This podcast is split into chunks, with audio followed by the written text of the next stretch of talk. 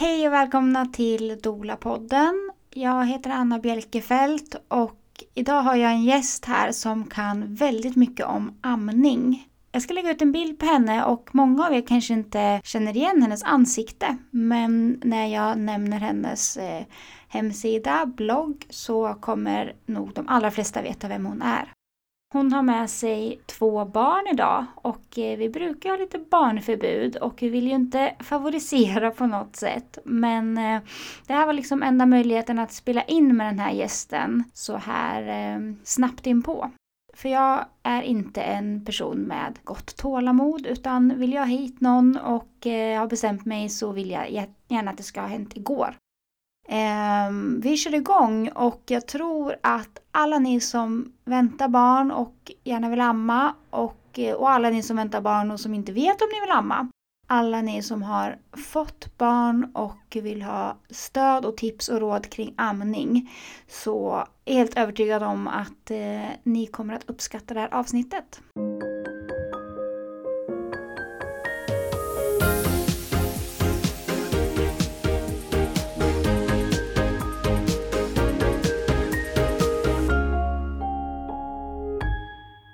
Då börjar vi. Hej Lisen, välkommen till oss. Tack så mycket. Berätta vem du är ja. vad du sysslar med. Eh, jag heter Lisen Forsberg. Jag är journalist och eh, har haft rätt så mycket inriktning vetenskapsjournalist. Bland annat jobbat rätt så länge på Sveriges Radio. Jag är frilans sedan några år tillbaka. Jag har fyra barn, äldsta är nio år. Vi bor i Stockholm. Och eh, på min fritid så gör jag en blogg som heter babybaby.se som till stor del handlar om amning. Mm. Men även om att bära barn i bärsjal och bärsele, föräldraskap. Men rätt så mycket amning har det blivit. Mm. Hur kom du in på det här området? Eh, jag hade väl inte en tanke på det från, alltså innan jag fick barn. Men sen fick jag mitt första barn 2011 och jag ville jättegärna amma henne eh, och det gick inget bra. Det var väldigt mycket stress. Jag började tilläggsmata med ersättning redan från början. För att jag var övertygad om att min egen bröstmjölk inte räckte. Och så gick min mjölkproduktion ner då för att jag matade med ersättning. Men jag fattade inte riktigt det där sambandet. Att eh, Jag kunde ingenting om amning. Jag hade inte fått någon förberedelse heller på mödrahälsovården. Och eh, ganska lite hjälp på förlossning och BB och i princip obefintlig hjälp från BVC. Mm. Så det, det, det räddade liksom aldrig upp sig med amningen. Men jag kämpade och kämpade och kämpade. Och jag pumpade och höll på och slet. Och, och så fick jag en tuttförvirrad bebis som brukar kallas när, när barnet inser att det rinner fortare och lättare ur flaskan. Mm. Och då börjar jag rata bröstet. Så det var, en, det var en kamp det där att försöka hitta olika knep för att få mitt barn att amma. Och till slut mm. så, ja, efter fem, sex månader så, ja då, då fanns det ingen amning mer. Och jag var väldigt ledsen för det där och tänkte att det var väl min kropp som inte hade klarat av det här. För det budskapet hade jag fått med mig från alla möjliga håll. Att en del kan amma och en del kan inte amma. Och min mamma hade inte kunnat amma mig och brorsan speciellt länge på 70-talet. Så då tänkte jag, det här är säkert genetiskt. Jag mm. kunde inte heller. Men så började jag läsa lite mer om amning så började jag prata med andra mammor som hade hamnat i en liknande sits som jag. Och som hade börjat inse att, men vänta nu, det fanns ju en massa som man hade kunnat få hjälp med där i början. Jag har med mig lillen här som mm. ska sträcka sig efter, efter mikrofonskyddet här. Han sitter i selen och tuttar. Mm. Jag hoppas han somnar snart. Eh, och han nej, är snart jag, två? Han är snart två. Mm. Så jag tänkte att du skulle bli så uttråkad lille vän så du bara skulle somna här. Mm. Får se. Kanske eh, inte var så tråkigt ändå. nej, kanske inte. Så vi, jag, jag började liksom inse att, nej men vänta nu här. Det här hade inte, det var liksom inte predestinerat att gå åt det här hållet utan det hade säkert kunnat gå jättebra. Jag insåg att det kanske inte hade behövt eh, bli strul med amningen. Inte på det sättet som det blev i alla fall. Om jag hade vetat mer och om jag hade fått mer hjälp. Mm. Och jag minns en, en, en tjej från, som jag stötte upp med som hade bebis i samma ålder. Som sa så här. Och det var lite en väckarklocka för mig för hon sa Ja, här fick man ju jättemycket hjälp med liksom graviditeten och massor med information om hur man skulle hantera förlossningen. Men det där med amningen, det var ju inte vidare mycket hjälp med. när bebisen väl hade ploppat ut, då, då lämnades man lite vind för våg. Och så tänkte jag på det här, hon sa ja men det, det var ju faktiskt så. Som där, jag var kvar på BB i tre dagar och de pratade mycket om att barnet skulle ha ett bra tag om bröstet. Ja men hur, hur, hur okej, men hur gör man det då? Hur får man till det och hur vet man att det är ett bra tag? Det var det liksom ingen som verkade kunna upplysa mig om. Och då blev det sår på bröstvårtorna och återbesök på BB-avdelningen och rekommendationer om att pumpa istället för att avlasta brösten och ge kopp. Men barnet ville inte ha den där koppen, bara liksom, det var så svårt att koppmata tyckte jag. Så till slut så kände jag att ja, men jag måste ge mitt barn mat. Då får det bli flaska då. Det är klart att ja, jag måste ju prioritera att mitt barn överleva. jag menar det, det är klart att det är ens högsta prioritet. Speciellt som förstagångsförälder så är man ju också extremt osäker. Det är klart att eh, Alltså ens prioritet är att ett barn, ens barn ska få i sig mat och överleva. Så jag kände att ja, men jag kanske får sätta det här, det där med amning, det, det får sättas på paus nu för jag måste prioritera att mitt, mitt barn får i sig mat. Var ditt barn då väldigt liksom ledsen och missnöjd? Nej, och, det var bara att jag hade, jag hade lite sår på bröstvårtorna mm. så att det gjorde det kom lite blod och gjorde lite ont att amma. Fick du höra liksom att eh, barnet inte gick upp i vikt eller sådana saker som nej. stressade? Nej, nej, det var inget problem så med, med, vikt, med viktuppgången eller så. Men jag hade ont och då fick jag rådet på BB-mottagningen, då, eller på återbesöket på BB, att pumpa för att lasta av så såren skulle läka och att ge min mjölk på, på kopp. Eh, och det, det tedde ju sig logiskt då. Men jag kan tycka nu att det, det var ganska det var en jättesnäll barnmorska och allting sådär och hon brydde sig verkligen. Men jag kan tycka nu att det var ganska dåligt råd. Eftersom det är lätt hänt då att man inte klarar av den här koppmatningen, att det slabbar åt alla håll och man tänker äh, ah, vi får ta flaska ändå. Och flaska visste jag ju i och för sig redan att, att det kunde ställa till problem men jag såg ingen annan utväg. Men jag kan tänka idag, vad, vad fint det hade varit om hon istället hade sagt till mig att eh, du har lite småsår på bröstvårtorna, det är jättevanligt i början. Det beror förmodligen på att ditt barn behöver lära sig att gapa lite större om bröstet. Och här, nu ska jag visa dig hur du kan få till det. Mm. Eh, sitt så här, gör så här, vänta tills gapet är jättestort. Och det gör ingenting om det gör lite ont liksom, den, de första sekunderna när, när du ammar. Eh, och de där små såren du har kommer att läka. Även om du fortsätter att amma. Så försök, om du vill helamma, försök att amma på nu. Liksom. Och ring igen om du har eh, fler undringar eller det blir fler problem. Det hade jag behövt. Mm. Inte att jag skulle sitta där med den där jäkla pumpen som sen fick hänga med och blev en jättedyr historia dessutom. Hyrd, hyrd från sjukhuset. Mm. Sitta med den där pumpen i massa månader för att jag hade fått en tuttförvirrad bebis som inte förstod hur hon skulle ta bröstet längre. Men jag ville så gärna ge henne bröstmjölken när det fortfarande är hoppet om att amningen skulle komma igång igen. Så jag pumpade och pumpade och pumpade och till slut när jag lämnade tillbaka den där pumpen så var jag så arg och less på den så jag ville hoppa på den och bränna upp den ungefär. Mm. Ja. Jag insåg då att ja, jag hade behövt en annan sorts hjälp och så insåg jag att det här var inte bara min historia utan det fanns många andra snarlika berättelser. Och sen när jag skulle få andra barnet så var jag jättetaggad på att jag ville amma. Eh, och då hade jag läst på lite. Hur många år hade det gått? Nästan två år mm. innan andra barnet kom. Under stigande ilska och irritation kan jag säga hade jag börjat läsa på och insett att det var ju liksom ingen rocket science hjälp som jag hade behövt. Det var ganska enkla grejer egentligen. Och så läste jag att Amningshjälpen, alltså den ideella organisationen Amningshjälpen som har funnits sedan 70-talet, att de gav amningskurser. Och då gavs eh, en förberedande amningskurs under graviditeten. Så då fick jag chansen att gå på en sån. Kostnadsfri var den också då i Stockholm när jag gick den. Eh, och vid det laget hade jag läst på så mycket om amning jag är journalist, liksom, det ligger i min natur att läsa på om saker. Mm. Och det var ju också en grej så här, inför första barnet, jag visste inte ens att det fanns någonting att läsa på om. För ingen hade sagt det. Nej. Hade jag vetat det hade jag läst på jättemycket. Mm. Men jag visste ju inte ens att det fanns någonting att lära sig. Jag trodde att det var antingen så kan man eller så kan man inte. Liksom. Eh, så att det var kanske egentligen inte så fantastiskt mycket nytt som jag lärde mig på den här amningskursen Jo, det var vissa nya grejer, men mycket hade jag redan hunnit lära mig. Eh, men det var fyra gånger eh, 1,5 timme tror jag. Men det som var så skönt, det var för första gången att få prata med någon om det här.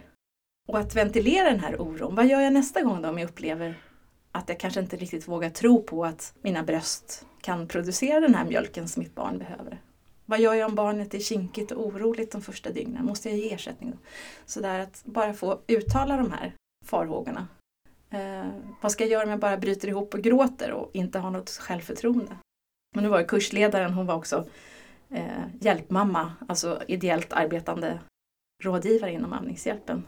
Hon var så lugn och trygg. Hon sa du kommer att fixa det här. Så, det kommer gå bra. Det var det jag behövde. Jag behövde lite självförtroende. Mm. Och sen så mm. sa hon också att du kan ringa mig när du vill i princip. Messa mig. Eller ring om du har problem. Eller om du inte har problem, bara vi pratar med någon. Så jag tror att jag ringde henne redan dag två när nya bebisen var född. Så kom mm. hon hem till mig, jätte, jättesnällt. Och sa att men det här ser ju jättefint ut. Och sen, det var inte så mycket, hon, det var samma sak igen tror jag. Hon bara bekräftade att du kommer klara det här, det kommer gå bra. Liksom. Och jag ringde även amningsmottagningen på Södersjukhuset, mitt sjukhus. Eh, just det, de ville ha tillbaks mig till BB-återbesök. Men då var jag lite tvär den här gången och sa att jag, jag vill inte till vilken barnmorska som helst den här gången. För det blev inte så bra förra gången. Den här gången vill jag ha någon som kan amning. Annars kommer jag inte, tror jag sa. Mm, helt rätt. så här. Och då den jag pratade med på telefon, jag tror att hon förstod precis vad jag menade. Att hon fattade att det finns kollegor som kan jättemycket och det finns kollegor som kan lite mindre om amning. Så hon sa, jag bokar in dig till imorgon och du ska få träffa en som jag vet är jättebra på det här.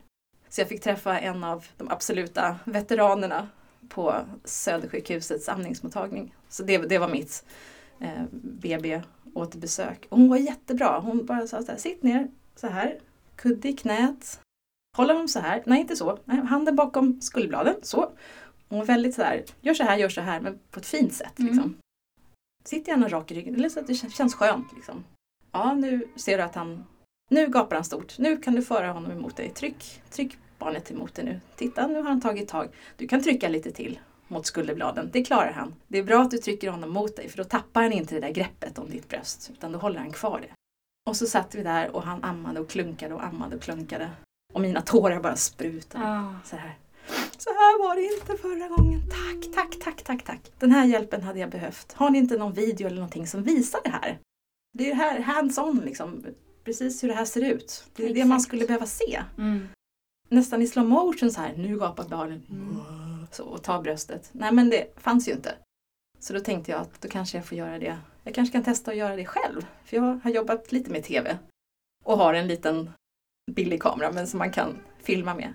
Så då grydde, eller grodde liksom idén där att jag kanske kunde göra det här själv för att andra ska slippa ha det jobbigt också om det går. Mm. Så att vi började göra massa videor och så blev det massa texter och så har jag fortsatt för att det är roligt. Mm. Det var ganska långt svar på frågan men så ja, började det. Ja. det. Jag tror att jättemånga vill höra hur du började för att jag mm. tror att många gravida och nyblivna föräldrar känner till din podd. Men, eller vad säger din eh, blogg. Men att man kanske inte vet liksom, så mm. mycket om hur den uppkom. Och... Vill du berätta lite vad som finns där mer än de här filmerna? Ja, det finns ganska många filmer vid det här laget. Också finns en hel del filmer om hur man kan bära i bärsjal och amma i bärsjal och bärsele. För det tycker jag har varit riktigt livräddare för mig också. För det var en annan sak som ingen berättade, kände jag inför första barnet. Det här att, äh, att bebisar ofta har kvällsoro, som det kallas. Att de är gnöliga och knöliga och kanske också svåra att amma på kvällarna. För att de är trötta eller vad det nu kan vara. För att de helt enkelt är jättesmå och inte ja, kan så mycket om världen ännu och vet inte hur de ska hantera sina känslor. Mm. Eh, så med första barnet, jag kunde ju inte hon som jag kämpade så mycket med. Det blev aldrig någon amning på kvällarna till exempel för hon tog inte bröstet, hon bara skrek. Så då blev det bara flaska på kvällarna och jag satt med den där jämranspumpen. Eh, men nu inför andra barnet så visste jag att det här kunde bli gnöl och knöl, liksom, så då var jag mer förberedd. Och sen så blev det ändå jobbigare än vad jag hade föreställt mig när den här lille plutten började skrika på kvällarna när jag försökte amma honom. Amningen gick jättebra i övrigt, en kanon liksom, från början. Tack vare liksom, amningshjälpen och amningsmottagningen och att jag hade läst på. Men så tänkte jag att det är i alla fall ett, ett trick här som jag vet att jag har sett att folk tar till när det är så här knöligt. Och det är att typ, gå omkring hemma och amma bebisen i bärsjalen eller bärselen. Men jag fick inte till det. Jag försökte den här gången men tyckte att men vänta om jag hissar ner barnet så här till min naturliga brösthöjd så han kan ta bröstet, då hamnar han ju ner vid knäskålarna ungefär. Det. ja, ja, men liksom, ja, de är lite långa brösten. Och då var det inte så himla praktiskt. Men så jobbade jag, nu ska vi se, jobbade jag extra då, eller i alla fall kände hon som har butiken Knyt An i Stockholm som säljer bär, sjalar och bärselar. Katarina Krig. Och då ordnade hon en liten sjalträff i sin butik med tema amning i bärsjal och bärsele. Så då dök det upp ett antal rutinerade kvinnor och lärde mig hur man gjorde. Hon sa att du behöver inte hissa ner barnet ända ner liksom till, till låren utan du, du kan liksom, om man har lite flexibilitet i brösten så kan man ta upp tutten också. Mm. Man kan mötas halvvägs och att det, det, behöver inte se ut på ett visst sätt. Bara funkar det så funkar det. Det behöver inte vara snyggt. Det behöver inte vara den här liksom optimala vinkeln och tekniken som man har sett i amningsfilmer. För vid det här laget hade jag också en bebis som var två månader. Utan funkar det så funkar det. Och jag upptäckte att det gjorde ju det. Så då var det, oj vad många vändor det var hemma ett tag på kvällarna. Runt, runt, runt i lägenheten mm. med tutten i ena handen och barnet i bärsjalen i den andra och så gick vi där och det var ju lugna gatan. Liksom. Mm. Allting funkade. Jag kunde till och med sitta och, och läsa en bok för min, min tvååring där medan bebisen hade somnat till vid bröstet i selen. Så, att, mm. så det är en hel del videor om det och sen så är det en del texter om amning och lite jag vet inte riktigt vad jag har på bloggen, jag har hunnit glömma.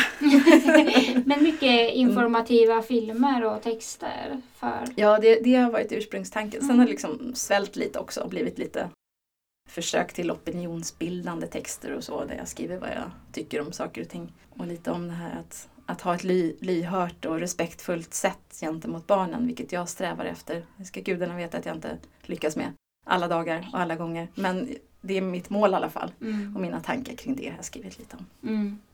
Och just nu så publicerade jag en film om 40 tips vid amningsstrejk. Mm. 40 tips. Ja, de... In och kolla det säger jag. Jäklar, bra. Eh, om man är gravid och, och, väntar barn, vad kan man liksom eh, hur kan man göra för att förbereda sig inför amning om man tänker att amen, i min stad finns ingen bra utbildning eller kurs mm. men jag vill ändå väldigt gärna amma. Lite mm. orolig. Ja, man kan, man kan gå in och börja, om man vill, botanisera lite på min blogg till exempel, babybaby.se. Eh, jag har till exempel några blogginlägg som man kan börja med. Som en heter, ett heter Det hade jag velat veta om amning som handlar om hur det var att amma mitt första barn. Och vad jag hade för föreställningar om amning som kanske inte, inte riktigt var riktigt med verkligheten överensstämmande. Sen har jag ett blogginlägg som heter försöka komma ihåg, lista de fem mest förvirrande sakerna om amning och hur man begriper sig på dem. Det handlar också om så saker som jag inte riktigt som jag hade fattat fel mm. och som hade varit så bra om jag, någon hade upplyst mig bara om de här sakerna så hade jag fattat dem rätt från början. Så hade mm. jag sluppit göra en massa onödiga inom citationstecken eh, saker som att ge ersättning när det inte behövdes. Nu mm. står det ju verkligen var och en fritt att ge ersättning och komplettera med ersättning, delamma om man, man vill det. Det lägger jag liksom ingen värdering i och det försöker jag också göra klart på bloggen att jag förespråkar inte att folk ska amma eller helamma utan bara att de ska få ha den amning de själva vill ha. Mm. Och jag ville ha en helamning. Jag hade ingen lust att delamma med flaska egentligen, eller Nej. ersättning. Så att det utgår jag ifrån i mina texter. Men jag lägger ingen värdering i hur andra väljer att göra. Däremot så vill jag att de ska få, alla ska få bästa förutsättningar att kunna göra informerade val och kunna få göra det som, som hjärtat vill. Mm. Och det som är realistiskt såklart. Man kan ju inte alltid styra över allting i, i tillvaron såklart. Nej, och jag tänker så här om man inte vet hur, eh, om man inte har erfarit hur det kan vara att helamma och hur smidigt det kan vara om det liksom funkar smärtfritt och problemfritt. Då är det också lite svårt att veta att det är det man önskar. Det är lätt att tänka kanske att så här, men jag vill gärna delamma så är jag lite fri och liksom, vi kan dela på det här med matning. Eller liksom, man kanske har ett jobb som kräver att man är iväg en del. Sådär. När man har haft en välfungerande helamning så vet man ju lite vad det är. Liksom. Så jag tror att det går lite åt andra hållet också. Mm. Att alla är nog inte medvetna om vilket hästjobb det är mellan varven att helamma också. Mm. Så att det är ju bra med, med realistiska mm. för, alltså, um, men det är ju olika också för en del går ju hur smidigt som helst. Ja. Inte alls något hästjobb utan bara enkelt. Mm. Men för andra så är det mycket, jag har kämpat mycket. Ja. Liksom. Men jag ville helamma så jag har tagit det här med att gå runt i timtal mm. med ungen i bärsjal och tutten i högsta hugg hemma mm. för att det var viktigt för mig. Mm. Och sen har det gått jättesmidigt andra perioder av mm. andningen men delar av den har ju varit lite svettigt kan man ju Mm. säga. Och speciellt de första veckorna också när det gärna är väldigt mycket amning. När bebisen verkligen vill amma igång mjölkproduktionen till Mm. max. Så jag tror att realistiska förväntningar är, Mm. behöver vi mer av. Och olika berättelser om hur det kan vara. Jag trodde nog också när jag skulle få mitt första barn att antingen så kan jag amma eller så kan jag inte helamma. Men om det går så kommer det vara liksom en ganska lätt historia. Det kommer bara ge sig allting. Och så behöver det ju inte riktigt vara. Nej. Även i de fall det fungerar så kan man stöta på små hinder på vägen. Men med rätt kunskap så löser man dem ofta ganska snabbt. Mm.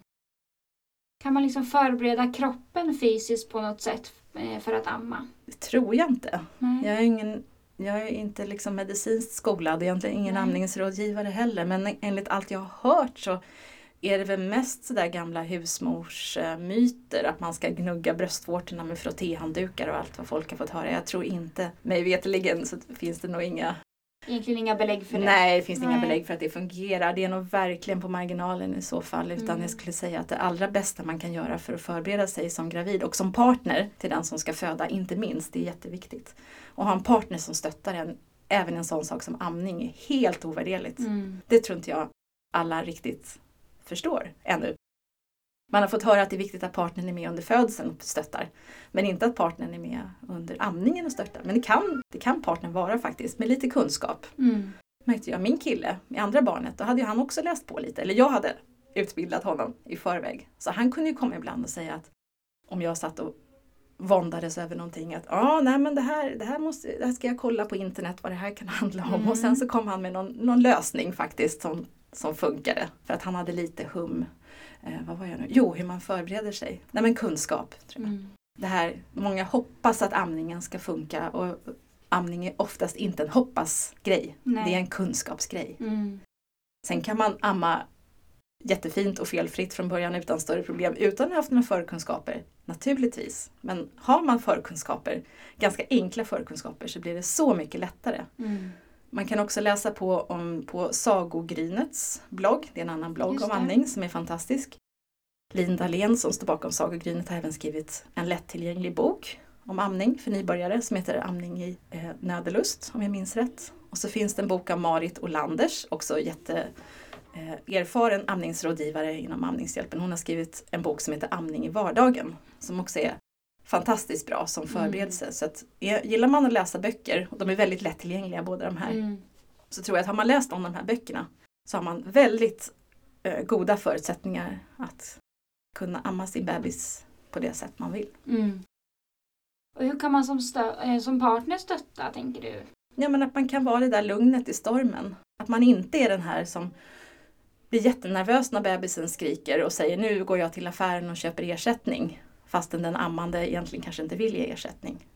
För att man inte för att man får panik utan att man kanske kan vara lite lugn och säga men prova att byta bröst. Det har vi liksom det har vi hört att det, det funkar ofta om bebisen skriker. Eller kan, bebisen kanske behöver sova en liten stund. Ibland blir de så övertrötta så de inte klarar av att amma. De måste sova lite.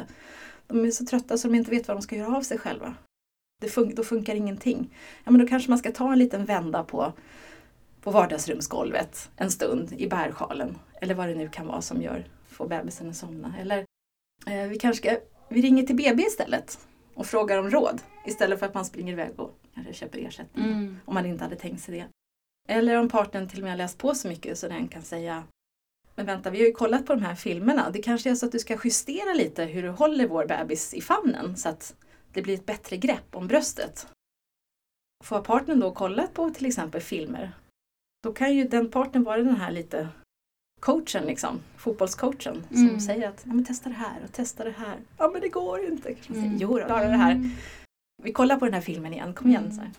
Lite så. Eller bara visar att jag, jag tror på dig och vårt barn. Och jag, jag hjälper dig att söka hjälp om vi behöver det. Men jag kan också hjälpa dig med det praktiska. Och också att man är liksom, sköter allt praktiskt hemma. Mm. Med disk och syskon och städning och sådär. För att alltså börja helamma är ett, det är ju typ ett heltidsjobb Mm. ofta. Man ammar jätte, jätte, jättemycket i början. Mm. Och man hinner knappt ens kissa många gånger. Än mindre gå och ta en dusch. Mm. Man behöver all avlastning man kan få. Det tror jag är nog ganska många som blir överraskade i början att men gud, jag ammade ju för fem minuter sedan Mm. och nu vill bebisen amma igen. Och Mm. Nu har jag suttit där i 45 minuter och så har vi bara paus på en kvart och sen är det Mm. dags igen. I bästa fall ja. Och, precis. Ja. Eh, och att man, eh, som du säger, att man, man förbereder sig ofta mycket inför förlossningen kanske Mm. och så. Eh, men att vad händer sen? Att, att som du Mm. nämnde att du också upplevde att så här, sen blir man lite utslängd och, Mm. Och klarar av det som kom med amningen. Eh, och att man blir just överraskad över det här hur mycket amningen tar. Hur mycket tid det tar och energi också. Jag läste någonstans att men om man, man har kollat på hur mycket tid man ammar första tre månaderna och då har man räknat att det är liksom som ett heltidsjobb i timmar. För att man räknar att man också ammar på natten. Liksom. ja, åtta timmar per dygn. Ja, Ja. exakt. Ja. Det kan vara svårt att, att liksom förbereda sig på innan hur det mentalt känns, Mm. tänker jag.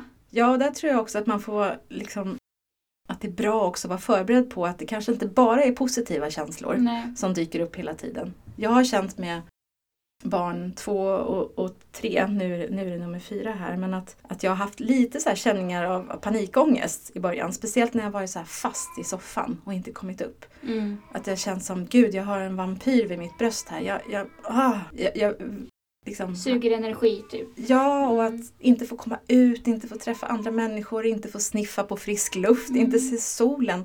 Alltså man, man kan ju faktiskt bli lite deppig av det, eller mycket. Och, men jag har ändå, alltså önskan om att helamma har ändå hela tiden varit starkare. Men jag minns vilken lättnad det var när jag fick snits på det här med att amma i bärsjal och bärsele.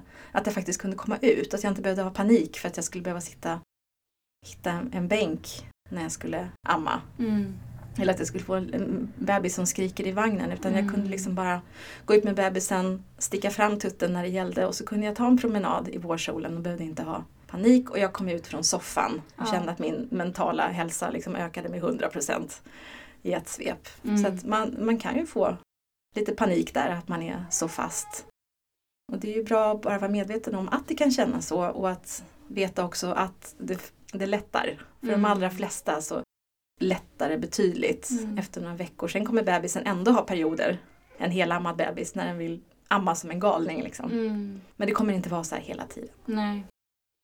Vi har precis pratat ganska mycket om amning, eller vad säger jag, bärande i podden. Så att det är ju verkligen liksom att kunna kombinera dem känns ju som så här för väldigt många en bra lösning på liksom oroliga barn eller liksom att man Ja, att man känner att man begränsar sig väldigt mycket för att man just sitter hemma och tänker att ah, men nu är det så kallt ute, jag kan inte sätta mig på en parkbänk om bebisen börjar skrika och vill Mm. äta.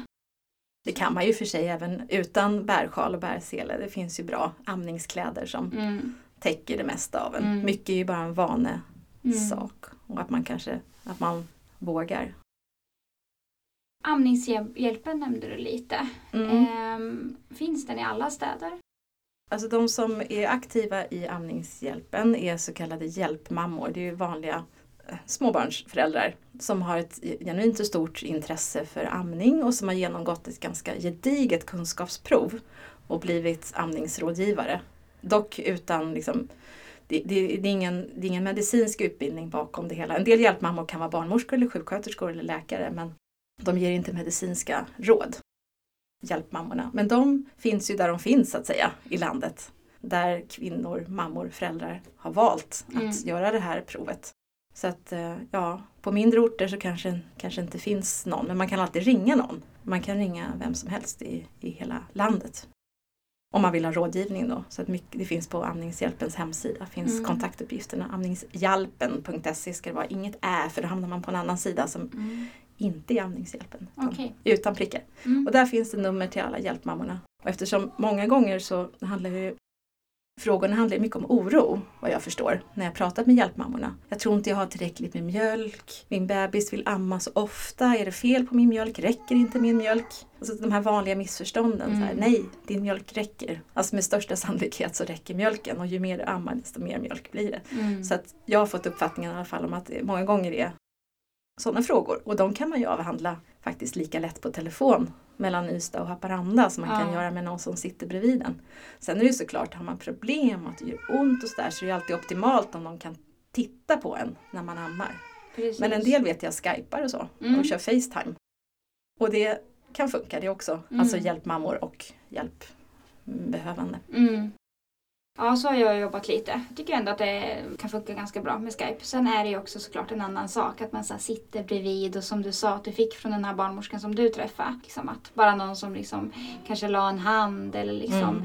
just där man kan känna så trygghet från den andras utstrålning på något sätt. Mm. Men att de allra flesta behöver ju liksom stöd och att, att det är okej. liksom, att det, det ordnar sig. Mm. Jag tycker att det är häftigt att det gör så himla stor skillnad för många. Ja men det gör det. Mm. Vad tänkte jag på mer? Um, på vilket sätt kan, kan det upplevas svårt med amningen i början? Vi nämnde det här med att ja, men det känns som att man ammar väldigt, väldigt mycket. Eh, du nämnde det här att man kan få liksom, sår och så. Vad finns det andra, för andra saker som kan göra att det kan upplevas svårt med amningen i början? Ja men det är väl främst det. Och det här att man tror att det faktum Alltså vi kvinnor har matat så mycket med det senaste århundradet att, att eh, våra kroppar liksom inte klarar det här. Och naturligtvis, ibland är det svårt eller omöjligt med helamning av orsaker som inte går att påverka, såklart. Men det är ju väldigt, väldigt många som har fått, blivit matade med massvis med helt onödiga hjärnspöken alltså, och föreställningar och myter, precis som jag själv som trodde att jag inte skulle kunna amma för att min mamma inte kunde. Så jag tror att det är ett jättestort problem. Att den här liksom självförtroendet har rasat i botten kollektivt hos födande och kvinnor. Och har man inte fått någon utbildning innan barnet kommer, alltså jag tänker under graviditeten, så är det ett ganska digert jobb, tänker jag, för vården eller vad det nu, vem det nu är som tar hand om den som har fött, att på den här korta tiden i början dels hinna leverera all den här kunskapen, det här hur man håller barnet för att det ska bli ett bra grepp, men även komma med massa pepp. Liksom, att, Mm. nej men det här, det här kan absolut gå. Mm. Liksom att det, det låter sig nästan inte göras. Både, då skulle vi behöva liksom heltidsanställda barnmorskor som var hemma hos de som har fött Mm. dagligen i, i två veckor. Mm. Det vore ju fantastiskt. Men så ser ju Mm. inte verkligheten ut. Det är därför också det är så viktigt, tänker jag, att läsa på innan. Så inte allt måste vara nytt från början. Eh, förlåt, nu kommer jag inte ihåg vad frågan var. Nej, men det är ju verkligen en, en feministisk fråga, tänker jag. Liksom att så här, eh, få, få hjälp och stöd och förberedelse eh, på, på samma sätt som ja, men, med födandet. Att vara liksom, att veta vilka val man har och eller information man bör liksom Mm. få med sig. Eller, Mm. Det är fler och fler tycker jag ändå som nämner att ja, men vi ska nog gå en amningskurs nu under graviditeten. Och jag blir såhär, ja gör det! Liksom att, Mm. att man också har förstått att, som du nämnde också, så att, att eh, det handlar ju om kunskap och att, eh, att ta till sig den. Det är inte bara så här, jag kan eller inte. Utan Mm. att det finns bra litteratur och eh, kurser och, och stöd att få på plats också. Och som kan vara till jättestor nytta för en även om man har tänkt sig att delamma från början och gör det också. Så finns det också en poäng med att förbereda sig. Mm. För då, i alla fall om man är angelägen om att ha kvar amningen ett tag. Så att det inte blev som för mig med första barnet att den här flaskan kom rätt snabbt och konkurrerade ut amningen. Mm. Utan vill man delamma men vill- ha kvar amningen ett tag så finns, det, så finns det knep för det också. Som är viktiga att känna till. Till exempel brukar amningsrådgivare säga att även om ni har tänkt er att delamma så kan det vara en bra idé att liksom bara amma kanske de första veckorna. Eller första tiden i alla fall. För att verkligen veva igång hela systemet. För ju mer man ammar de allra, den allra första tiden liksom, ju mer kommer man få en hög och stabil mjölkproduktion som det inte lika lätt blir svackor i. Mm. Det är så jag har förstått det hela. Så att börjar man då att amma och verkligen får igång den här mjölkproduktionen till max så kan man lägga till eh, tilläggsmatning eller ersättning sen om man vill. Att det kan vara ett bra sätt. Om man nu tycker att det är mysigt att ha kvar amningen ett antal månader. Så det, behöver, liksom, det här handlar inte om, man behöver inte ha ambitionen att helamma vill jag bara säga. Mm. För att det ska vara en vits med att gå en kurs eller förbereda sig. Mm. Men vad, vad skulle du säga är liksom grunderna i att amma en nyfödd? För det första är det bra om man har lite, fått lite information om den första timmen efter födseln. Att om det är möjligt, om det går, sen kan man inte styra över allting. Det kan bli att förälder och barn måste separeras för att det har hänt någonting eller barnet är jättemycket för tidigt fött eller vad det nu kan vara. Eller ett eh, urakut kejsarsnitt där man blir sövd. Jag vet inte, jag kan inte de här medicinska liksom, scenarierna, det kan du säkert bättre än jag, men det är inte alltid som det går att få upp bebisen direkt på bröstet. Nej. Men går det, och det kan gå efter kejsarsnitt i många fall också som Mm. jag förstår det. Går det så är det optimalt för den fortsatta amningen, för hela amningen egentligen. Man kan få upp barnet på bröstet och att barnet får ligga där ostört egentligen i en timme ungefär, Mm. brukar det ta. Och själv få kravla sig fram till bröstet Mm. och ta tag. Utan att man är där och petar så mycket. Vare sig barnmorskor eller annan personal eller man själv som förälder. Även om det är väldigt frestande att man vill hjälpa till så är det bra om man hjälper till så lite som möjligt. För väldigt, väldigt många barn klarar det där. De gör det. De letar och smackar och gnyr och kravlar och sen så hittar de en bröstvårta och så börjar de slicka på den och de gapar större och större och sen till slut kan man många gånger se att de, de gapar riktigt stort och så Mm. tar de bröstet och börjar suga. Och får de göra det här, förlåt, jag stöter till utrustningen hela tiden. Jag blir så engagerad och viftar med händerna här. Här får de göra så här. Det här visar bland annat forskning som eh, Kristin Svensson med flera vid Karolinska sjukhuset och Karolinska institutet har gjort. Får bebisarna göra så här så, så är det optimalt för att de får ett, oftast ett väldigt stort och fint tag, alltså Mm. grepp om bröstet. De gapar stort. För den här timmen ägnar de sig liksom åt att öva, öva sig. De övar, övar, övar, övar. Däremot så är man lite för snabb då och lägger till barnet direkt innan de har hunnit få upp gapet riktigt stort. Liksom. Då, då är risken att de tar ett litet grepp om bröstet och så suger barnet mer på bröstvårtan. Mm. De ska ju suga, få in mer bröst i munnen. Det ska vara liksom vårtgården och alltså det som är runt omkring. Det ska mycket, in mycket bröst i munnen för då skavs inte, då blir det ingen skav på bröstvårtan. Nej. Men suger de bara på bröstvårtan då kommer det göra ont. Mm. Och då är stor risk att det blir sår. Och det är det som kan hända ibland då om man är lite för ivrig och lägger till barnet lite för fort. Att de börjar suga med för litet gap och så blir det jobbigt. Och så blir det kanske sår. Ja, den här golden hour är någonting som vi pratar ofta med våra klienter om. Och eh, att få ha den ostörd och låta barnet göra, gå igenom de här nio stegen att, att hitta bröstet själv. Jag tycker att det är så fantastiskt när man verkligen får se det hela vägen. Eh, att, att barnet kravlar sig upp. Liksom. Eh, det är många som kan vara så här, men hur ska den liksom kunna, om den kravlar rakt upp, hur ska den kunna liksom lägga sig till sidan? Men då kan man ju se att barn är ganska starka i nacken de allra flesta. Så de lyfter liksom upp på bakhuvudet och sen så lägger de sig åt det hållet som de, den tutten som de vill ha. Eh, men eh, väldigt, väldigt, väldigt vanligt också att någon eh, i personalen ofta lägger barnet till bröstet. Och det är ju välvilja, man vill hjälpa till men eh, i det fallet så är det ofta bra att göra mindre. Mm. Jag har en video om det här på min blogg, får jag tipsa om det? Ja, Som heter Video bebis, bebis hittar bröstet på egen hand efter födseln. 19 minuter. Så Mm. där har jag filmat efter födseln av vårt tredje barn. Hur han gör det här. mm. Och, och hur jag håller på där och petar emellanåt och så blir han sur. Mm. Och så har jag intervjuat Kristin Svensson som Mm. forskar om amning då, som är universitetsbarnmorska. Mm. Så jag har intervjuat henne så hon är lite som en så här, eh, live-kommentator, jag ska säga, Mm. expertkommentator. Så hon, vi pratar och så tittar vi på mitt filmmaterial från när han, tredje bebisen var precis nyfödd. Mm. Så pratar vi hon om varför det, om det här precis vi har pratat om, Mm. varför det här är viktigt och Mm. att det är väldigt frestande att vara inne där och hjälpa till. Mm. Vi har tänkt bjuda henne till podden men så länge kan man ju lyssna på BVC-podden pratar hon ju om de här nio stegen och golden hour. Eh, jättebra avsnitt. Brukar verkligen tipsa alla klienter om det för det, det, blir väldigt tydligt att, eh, att barnet från början är väldigt kompetent att hitta sin mat. Så jättefint att, att få se. Okej, så då kan man alltså se de, de stegen Mm. som ditt barn gör i den Mm. filmen. Ehm, Ehm, ja, men vilka fallgropar är vanligt bland nyblivna föräldrar? Vilka liksom, eh, vad är vanligt att man, eh, vilka myter förstör? Mycket som förstör är nog att det fortfarande lever en uppfattning att nyfödda bebisar ska amma ungefär var tredje timme. Att det är normalt och att förvänta sig. Och det kanske det är för en del små.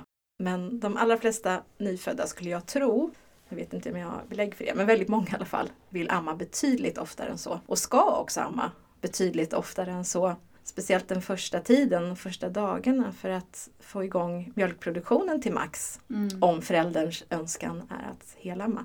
Då behövs det. De behöver få liksom amma på minsta lilla signal. Mm. Det är bra om man har läst på lite om tidiga hungersignaler eller tidiga andningssignaler för då vet man att man behöver inte vänta till bebisen skriker innan man lägger bebisen till bröstet. Vill du berätta om några av de här signalerna? Ja, eh, absolut. Jag ska bara försöka tänka efter vilka. Nej, men Det kan till exempel vara att barnet ligger och sover men bara vrida på sig. Liksom vrider sig lite fram och åter sådär. Verkar rastlöst. Eh, att barnet smackar med munnen. Om man har det mot huden att bara liksom känna med munnen, leta efter ett bröst mot ens hud. För händerna till munnen. Kanske börja gnaga på fingrarna. Det är egentligen en ganska sen hungersignal. Då, är det liksom, då är det läge att ta fram tutten nu.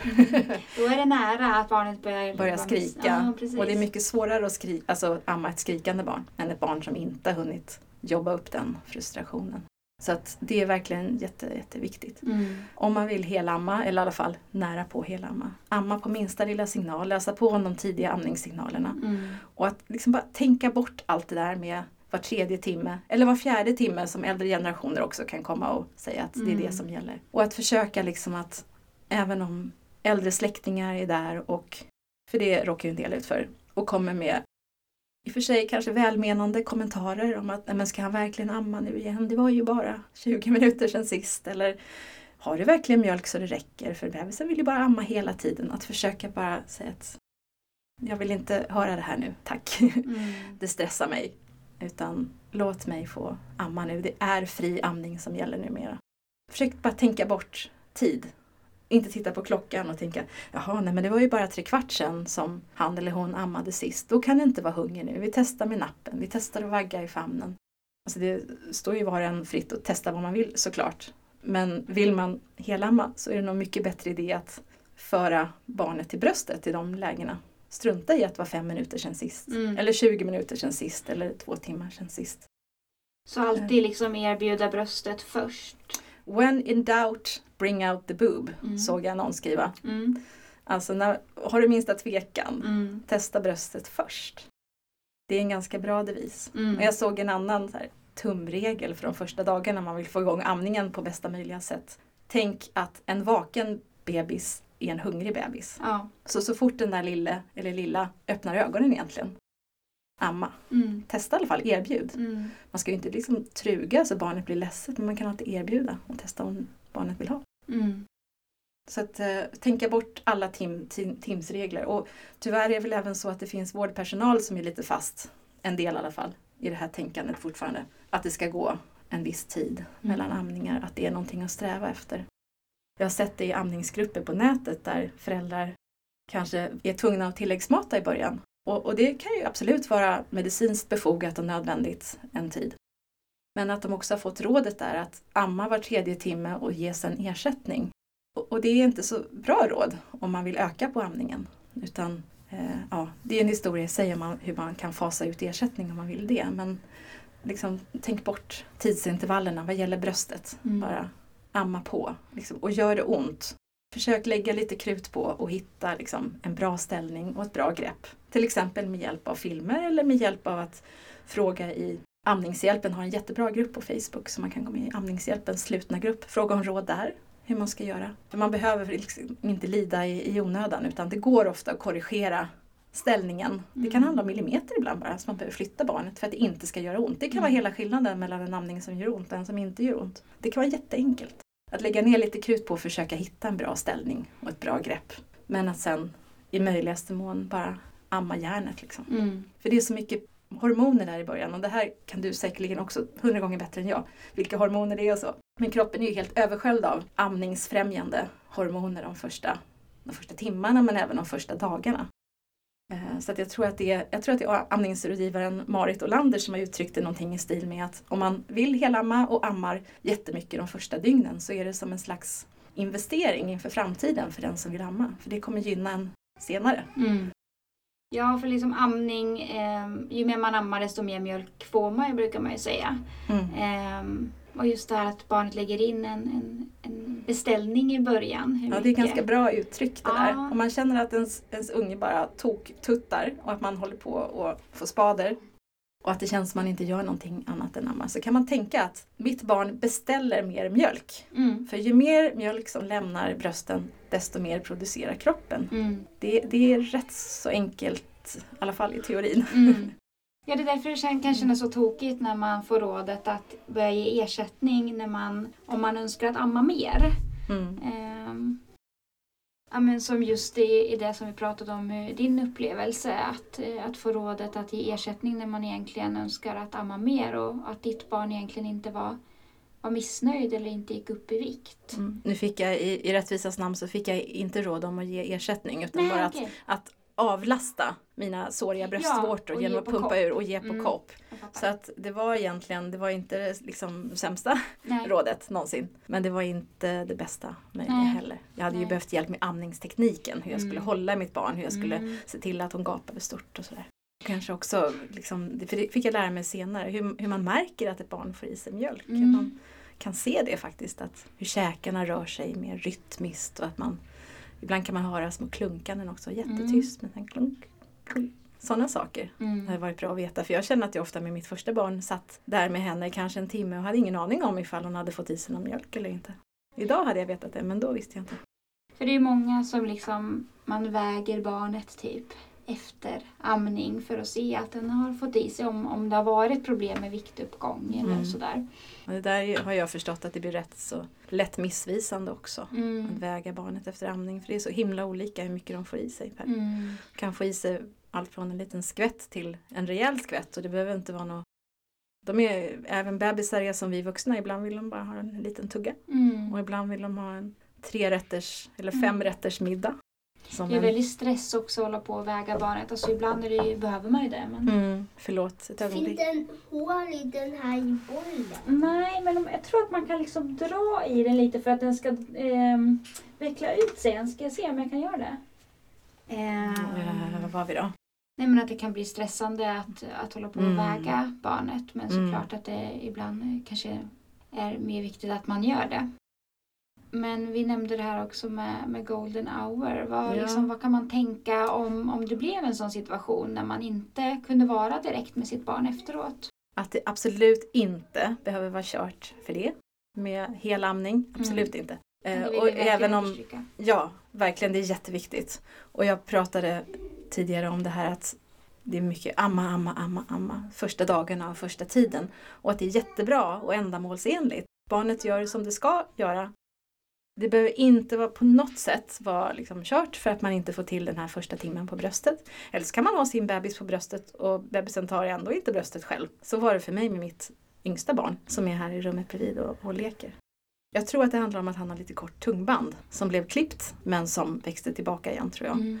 För han har fortfarande ganska litet grepp om bröstet. Men det funkar ändå. Men jag tror att det kan ha varit anledning till. Och det kan också vara bra att ha med sig det här att blir, blir, gör man allt vad man kan för att amningen ska bli smärtfri och man testar olika ställningar och man vänder ut och in på sig själv och för att få till ett bra tag och det ändå inte blir bättre och det blir sår så kan det faktiskt vara det kan vara så att barnet har ett kort tungband. Då kan de inte röra tungan upp tillräckligt mycket mot gommen för att få ett bra grepp om bröstet.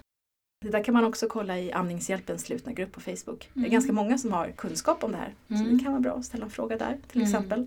Man får inte alltid rätt svar från vården. Så vitt jag förstår i alla fall. Det jag har läst mig till, tyvärr. Så det kan vara så. Att, men det behöver inte vara någon fara för det menar jag. Nej. Att det inte blir perfekt från början. Eller att det inte blir de här dygnen med maratonamning i början. Kanske för att ja, man kanske är medtagen själv eller vad det nu kan Mm. vara. Eller att barnet är sjukt. Och...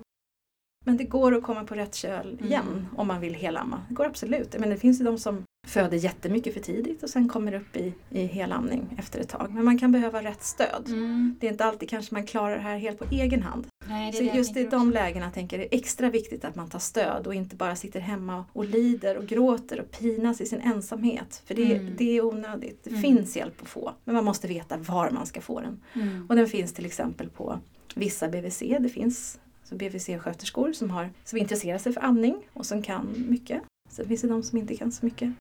Eh, Man kan söka hjälp på en amningsmottagning om ens sjukhus har det. Där jobbar amningsspecialister. Man kan ringa en hjälpmamma från den ideella organisationen Amningshjälpen. Men där får man vara medveten om då att de inte får ge medicinska råd. Men Nej. alla andra råd kan de ge.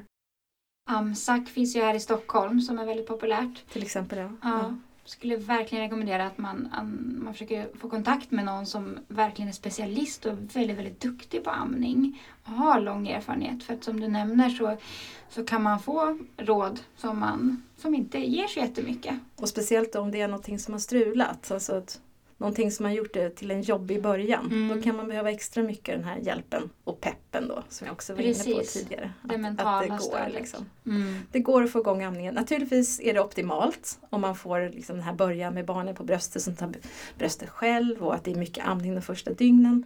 Liksom, då, då kommer det bli lättare. Mm. Starten blir lättare. Det, blir det knackigt i början och kanske mycket ersättning och så, ja då kan det krävas en, liksom, under en begränsad tid ganska mycket jobb för Mm. att ändå få igång det hela. Men det går absolut. Men där tror jag det är extra viktigt också att man har stöd från omgivningen. Mm. Alltså partner och andra i ens närhet. Att de verkligen stöttar en i det här och inte ifrågasätter. Ja, Så vad kan man tänka på om eh, man till exempel har eh, varit ifrån sitt barn första dygnet? Vad är viktigt att göra då? Så är man, måste man vara separerad från sitt barn? Det här har jag också lärt mig från Kristin Svensson som är, som är på Karolinska institutet och Karolinska sjukhuset och som, som forskar om amning och som är superspecialist på det här. Hon pratar mycket om det här med handmjölkning eller handurmjölkning som jag tror hon kallar det. Alltså att man, man stimulerar bröstet och mjölkproduktionen genom att trycka ut mjölk med händerna. Men det är liksom inte bara att klämma om tutten utan det är liksom man, man måste Det är en teknik. Ja, det är en teknik. Man måste veta hur man gör. Det har jag faktiskt också eh, på babybaby.se, min blogg, så har jag både en bildserie och en film, två filmer tror jag, om hur man kan göra. En heter till exempel handmjölkning av råmjölk, tror jag det heter. Och det är alltså råmjölk kommer de första dygnen. Och där visar jag hur otroligt små mängder det ofta är som kommer ut. Det är liksom, man får hålla på rätt länge för att få ut varje droppe. Men varje liten droppe räknas. Så fort barnet är fött, så varje liten droppe som kommer ut, även de här allra första dygnen när det känns som brösten är tomma, fast det är de ju inte, men Mm. när det känns som det. Så varje liten droppe som kommer ut är, är guld värt för barnet. Kan ges extra på sked till exempel. Mm. Och varje liten droppe ökar mjölkproduktionen. Säger åt kroppen att göra mer mjölk. Så det är jätteviktigt. Är man separerade, försök att handmjölka. Liksom. Eller pumpa om det funkar bättre. Men precis där allra första dygnen kan det ibland vara lättare att handmjölka. För det liksom, ingenting går till spillo inuti en pump utan det Nej. kommer direkt ut. Liksom. Så försök att handmjölka i alla fall lika ofta som barnet skulle ha ammat. Eller så ofta man orkar. Och hellre många och korta tillfällen per dygn än få och långa. Så hellre liksom att man tar lite grann en gång i timmen eller varannan timme än att man försöker ge allt kung och fosterland var sjätte timme. Utan Mm. Bättre med ofta. Och även om det kommer jättelite så kommer, kommer det att öka. Det stimulerar mjölkproduktionen och kommer att öka mjölkproduktionen. Mm. Så det kan man göra. Sen kan man välja om man vill ge det till bebisen eller inte. Men även om man då inte skulle ge de där dropparna till bebisen så kommer det ändå ha mjölkat, ökat, ökat mjölkproduktionen. Så det är Mm. ändå bra. Så kan man Och fortsätta sen, eh, så till dess att man kan börja amma. liksom. Mm.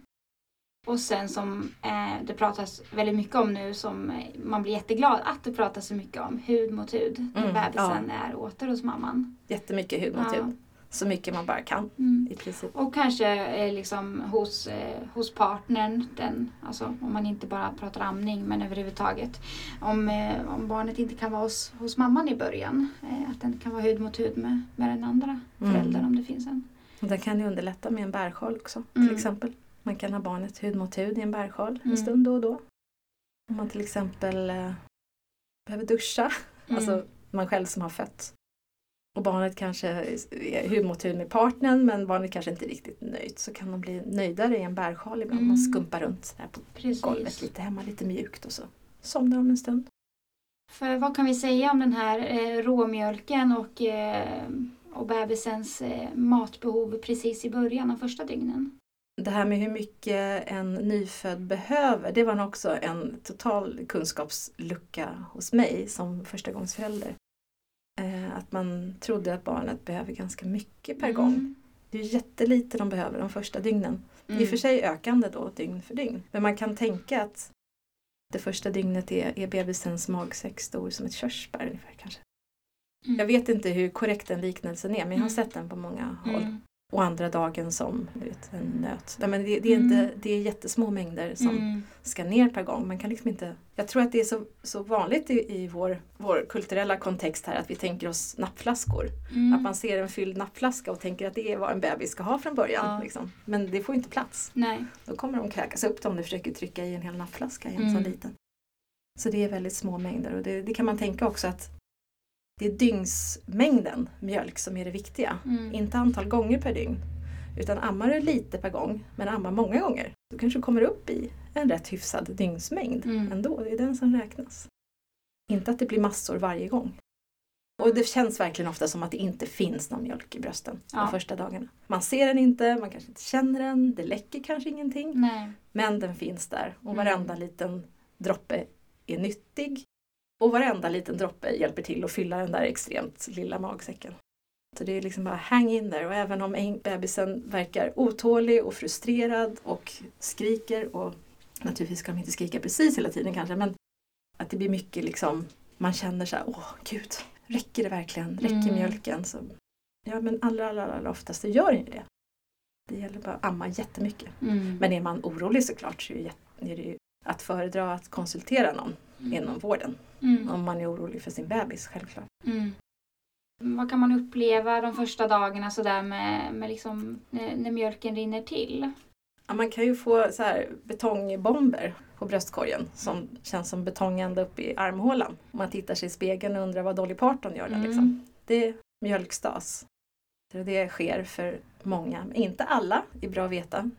Om man inte får stenhårda liksom, tuttbomber dag två, tre, fyra så behöver det inte vara något som helst fel för det. Men många får det. Mm. Och det är när, ändå, när, när råmjölken börjar ersättas av den så kallade mogna mjölken, den vita mjölken. Då blir den svullnad i, i vävnaden.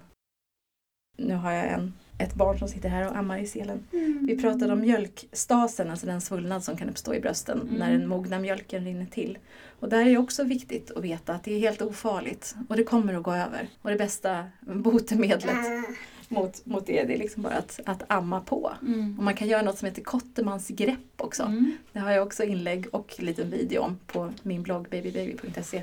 Då trycker man liksom in, man trycker med fingertopparna på vårtgården runt bröstvårtan och så, då pressas liksom vävnadsvätska bakåt i bröstet och då kan det bli lättare att amma för när bröstet är så superspänt så kan det vara svårt för en, en nyfödd bebis att få grepp då. Mm. Men om man pressar bakåt vätskan så blir området runt bröstvårtan lite mjukare och då kan det plötsligt vara lättare att få grepp. Mm. Och jag upplever att det finns en del som i det här läget när de får den här stasen och brösten är hårda som bowlingklot att, att de får rådet att, att prova amningsnapp Ja. som då är liksom ett silikonskydd. Och då kanske barnet får grepp. Mm. Men sen kanske man blir fast med den där nappen och det kan, många kan tycka att den är rätt besvärlig och att, den, Mm. att det blir ganska långa amningar med den också för den hin, kan hindra mjölkflödet i viss Mm. mån. Jag tänker att det kan vara en bra grej att veta att innan man i liksom panik testar en amningsnapp så kan det vara bra att testa det här med att trycka in Mm. Kottemans grepp. Trycka in vävnads, äh, vävnadsvätskan så att bröstet blir lä- lättare att amma på. Mm. Och också testa, det är en annan sak som man kan testa före amningsnapp om vi ändå är inne där. Om man vill det, det är att amma laid back. Mm. När man ligger på rygg eller halvligger på rygg och har barnet ovanpå sig ungefär som vid den första amningen efter födseln som den ser ut för många.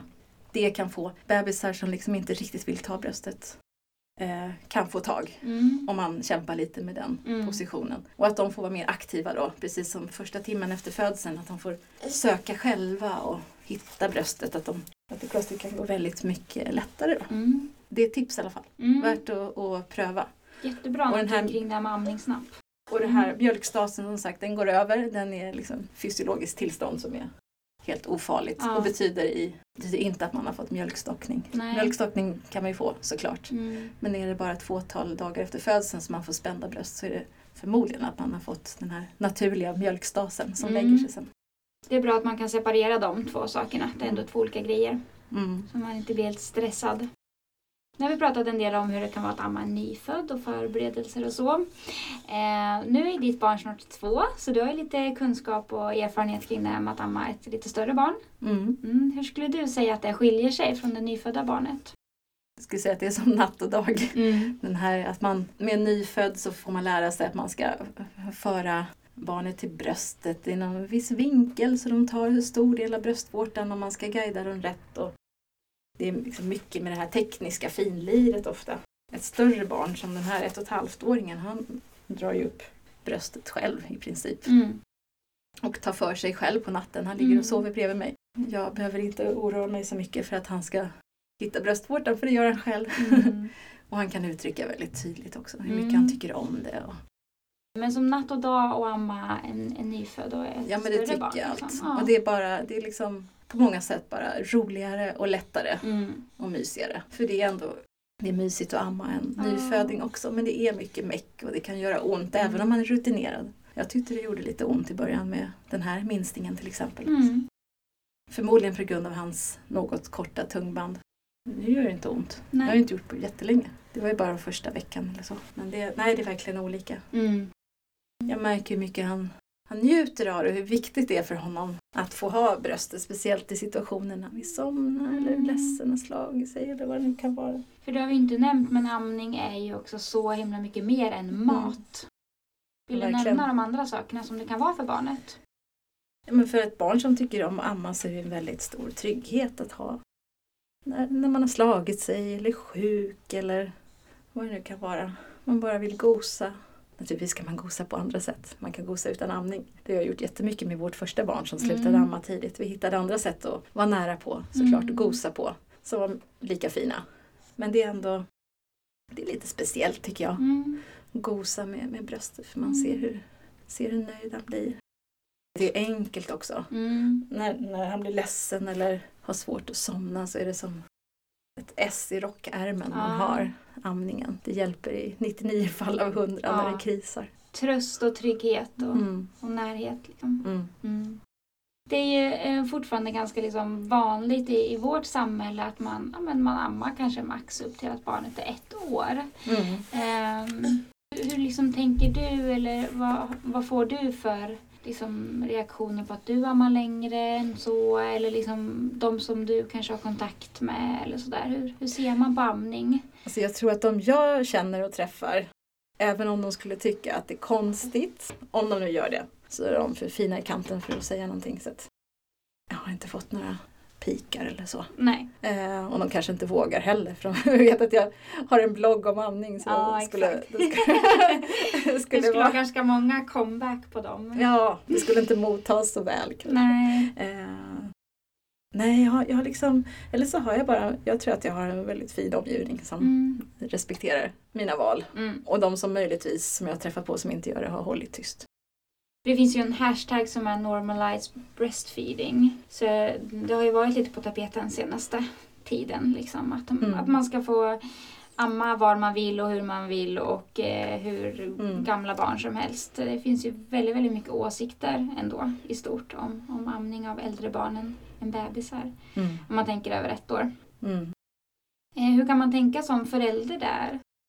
Tänker du att ja, men om man är ute och så blir ens barn väldigt, väldigt missnöjd och så ens naturliga reaktion är att man ammar barnet kanske, ja men säg tre år. Mm. Jag tänker att det är väldigt svårt att inte ta till sig omgivningens kommentarer och Mm. blickar och reaktioner. Självklart, det är jättelätt att bli ledsen. Även om det skulle vara en främling som säger något. Man kanske blir ännu ledsnare om det är någon man känner och bryr sig om som pikar en. Mm. Eh, jag menar, jag blir ledsen också. Jag tycker jag råkar ut för var och varannan dag att personer i kollektivtrafiken pikar mig för att eh, jag har ett barn här, en sexåring som inte tycker om att ha mössa och jacka på sig. Som är väldigt varmblodig. Det händer flera gånger varje vecka att man blir påhoppad av folk som tycker att jag är en dålig mamma som inte klär på honom. Liksom. När det Ja. kanske ändå är tre plusgrader. Men de har fått för sig att han kommer få lunginflammation och dö. Mm. Och jag vet ju att de har fel. Men så jag blir ändå ledsen. Mm. Man vill ju inte bli påhoppad. Nej. Ingen vill det. Så jag tänker att man ska inte heller ha dåligt samvete för att man inte är någon tuffing som låter allting rinna av en. Nej. En del är tuffingar, grattis till dem liksom, Mm. som inte tar åt sig. Men sen, det är lätt att ta åt sig. Vi är människor liksom, vi bryr oss om vad andra tänker för det mesta. Så det är okej att bli ledsen, men det är också okej att markera att det här är inte okej. Exakt. Och det är okej att bara ignorera och gå därifrån. Det är okej att gå hem och sen gå in i någon välvald eh, Facebookgrupp och klaga och få en massa pepp och kärlek. Mm. Till exempel i Amningshjälpens slutna grupp som Mm. jag redan har nämnt på Facebook. Det finns också en fantastisk grupp som heter Mamma jag vill amma. Att jag är stor nog gör detsamma om jag nu sa den helt rätt. Mm. Det är en grupp för föräldrar som vill amma längre än normen eller amma längre än normen. Eller Mm. har ammat längre än vad samhällsnormen säger. Det är Mm. en jättefin grupp. Om man skriver ett inlägg om att man har fått någon dum kommentar så kan man få massor med kärlek och så Mm. där från andra föräldrar och så blir livet bra igen. Fint. Ja, det är lite det här mom-shaming. Man får, eh, man får nästan hitta eller bestämma någonting som man alltid säger eller alltid gör om man får någon sån kommentar. Mm. Så här, markera för sig själv liksom att jag tar inte det där. Ja, jag har fortfarande inte kommit på någon riktigt bra kommentar Nej. med alla de här som eh, klankar ner på mitt barn som inte vill ha mössan på sig. Mm. jag kommer säkert på någon bra till slut. Ja. Mm. Är det något annat sådär Lisen som du tycker att du inte har hunnit med? Jag har varit lite inne på det här redan och vi har pratat om det här. Men jag skulle ändå vilja poängtera att jag tror att någonting som ställer till det mycket för mig och som jag tror kan ställa till det för andra är den här föreställningen om hur bebisar, nyfödda bebisar beter sig. Jag trodde nog, i någon slags romantiserad bild som jag hade fått för mig, att man ammar bebisen och så ligger den där och klunkar och ammar och är nöjd. Och sen så sover den i ett par timmar kanske, i en liten vagga. Och sen så vaknar bebisen så kanske man byter blöja och så jollrar den lite och så sitter man och tittar på varandra. Och, och sen har det kanske gått tre timmar och då är det dags för amning igen. Och så är det samma, bebisen ammar Mm. och så sover den. Men alltså så där ser ju inte verkligheten ut för Nej. väldigt många. Det, det, är en, det är en helt felaktig bild. Liksom. För det första, det var vi inne på flera gånger. Nyfödda bebisar kan vilja amma betydligt oftare än var tredje timme. Mm. Det kan vara tre gånger i timmen ibland. Och det är inget fel för det. Det är absolut inget tecken på att något är fel. Människan är en form av däggdjur som är liksom anpassad för att dia mycket och ofta. Jag tror, jag tror nog att det är många andra som har den här bilden med sig också, att det är så här det ska se ut. Och beter sig inte bebisen på det här sättet, den ligger inte alls snällt och ammar och klunkar i en halvtimme och ligger inte alls snällt utan protester i den där vaggan. Liksom. Då är det något fel tror man. Men det Mm. behöver inte alls vara. Utan bebisar är snarare nyfödda. De är hungriga. De är på hugget. De vill amma jättemycket. De kanske inte alls vill lämna en förälders kroppskontakt i många sekunder alls. Nej. Och det är okej. Skaffa en bärsele. Skaffa Mm. en sjal. Rid ut stormen. De vill ha mycket närhet ofta. Inte alla såklart. Bebisar är också olika. Jag tror det finns också många föreställningar om på samma sätt att amma var tredje timme att inte vänja sitt barn vid att ah, men, den kan bara somna när jag ammar, den kan bara somna när den är nära. Så här, jag måste träna, Mm. träna, liksom vänja av den vid det. Det är någonting som jag möter ganska ofta också. Att man ska Ja. försöka vänja barnet vid någonting som eh, den inte är redo för. Ja, där tror jag tyvärr också att eh, vårdpersonal ibland kommer med oombedda råd. Jag vet kompisar på den punkten då, som har fått höra när barnen har blivit några månader gamla att utan att de har nämnt någonting om att sömnen eller insomnandet skulle vara något problem. Att de får höra att nu kan det vara bra att vänja av barnet vid att somna vid bröstet. För då, vänder, då måste de ha bröstet varje gång de vaknar under natten. Men så behöver det inte alls vara. Det finns liksom inget, eh, som jag ser det, inget egenvärde i att förändra några rutiner om det inte är liksom att man måste av någon anledning. Nej men precis. Utan det är go with the flow som man säger på engelska. Och Mm. är ett sätt att göra det så lätt som möjligt för sig själv faktiskt. Mm. Det är det jag tänker Och att också. inte sluta amma på natten bara för att någon har sagt åt en att det är en lämplig tidpunkt. Jag menar, jag ammar fortfarande den här 1,5-åringen på natten. Nu är det inte många gånger per natt. Jag vet inte alls hur mycket det är. Jag sover mig igenom Mm. det så jag vet inte riktigt. Det är ju, maximal med sömn för alla i familjen. Så att jag tänker inte ändra på det konceptet på Nej. ett tag. För jag trivs med det också. Mm. Det är ju grejen. Trivs man inte med det, men då är det såklart att man kan behöva man göra en förändring. Ja. Men trivs man med att amma sitt barn till sömns för att det är enkelt, enklast i världen, eller att man trivs man med att amma på natten så, och barnet gillar det, ja varför inte bara fortsätta? Mm. Det är så onödigt med de här pekpinnarna om att man ska ändra på saker bara för att det kanske Ja. ställer till något problem i framtiden om man Mm. inte gör det här. För mig har bästa devisen varit så här, ändra inte på något som fungerar i onödan. Nej. Och den dagen man behöver en förändring, ja, då får man genomföra den ändå. Det går oftast Mm. bra ändå. Jag tror att det, det är till viss del lite också, ja, men kanske en, en feministisk fråga även där. Att partnern då skulle vara mindre delaktig i, i barnets äta, sova, rutin till exempel. Hur upplever du det? Om de inte kan natta för att barnet Ja. vill nattas med tutten menar du? Ja, alltså, jag kan väl mer svara på, jag kan säga hur vi har gjort hemma hos oss. Mm. Vi har fyra barn och jag tror för, för min sambo är det bara, nej men det är så här det är. Att de vill somna vid bröstet. Min tid kommer, den också. Och dessutom är det ju så mycket mer man kan göra än att amma och natta som partner tänker jag. Verkligen. Det är ju så mycket mer man kan göra. Jag menar, man kan bära, bära sitt barn igen i bärsjal eller bärsele. Ibland kan man ju även, jag menar, barn som är vana att bli ammade till sömns, kan komma på att det var mysigt att bli vaggad till sömns i bärselen på Mm. partnern, den andra föräldern. Så att man inte backar där som partner liksom. Nej, men så man ser möjligheterna istället, Ja. tänker jag. Om det nu är så att mam- mamman, eller ja, den ammande och barnet har en fungerande amning så är det kanske synd att, som de trivs med. Synd att göra förändringar i det som funkar, Mm. tänker jag. Sen får alla naturligtvis göra precis som de känner att det passar dem själva bäst. Men det kan vara, vara värt att ha i, i bakhuvudet att dels, det kommer inte alltid att vara på det här sättet. Nej. Det är en begränsad tid. Eh, och två, det finns massor med andra sätt att knyta an till sitt barn på. Mm. Än att man måste ta nattningar från en viss tid och så. Mm. Men min, min partner, har, min sambo, även när barnen har varit helammade så har han ju ibland tagit ut dem på sköna promenader liksom, i Mm. bärsjalen. Sen kommit hem lagom till att de börjat krafsa honom på bröstet och Mm. Visa att de vill amma. Det är ju också det är ju jättegosigt och fint för dem Mm. har det varit. Han har suttit mycket och där, kan du se om du vill om, du, om vi tittar på den filmen som jag har lagt ut nu på babybaby.se som heter 40 tips vid amningsstrejk. Mm. Så ser du ganska många klipp med min väldigt trötta sambo som står ute på, på loftgången och vaggar bebisen så att Mm. bebisen ska bli lugn. Och han sitter på pilatesboll och ser ut som Mm. att och vaggar bebisen och ser ut som att han har haft sju svåra år. Mm. det finns ju oändligt massa bra info på din blogg. Vill du nämna den igen?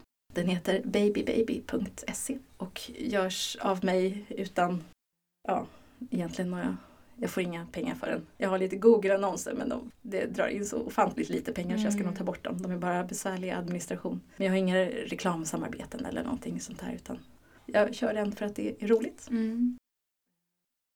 Tack snälla Lisen för att du kom hit. Tack för att jag fick komma hit. Och nu somnade bebisen. Perfekt.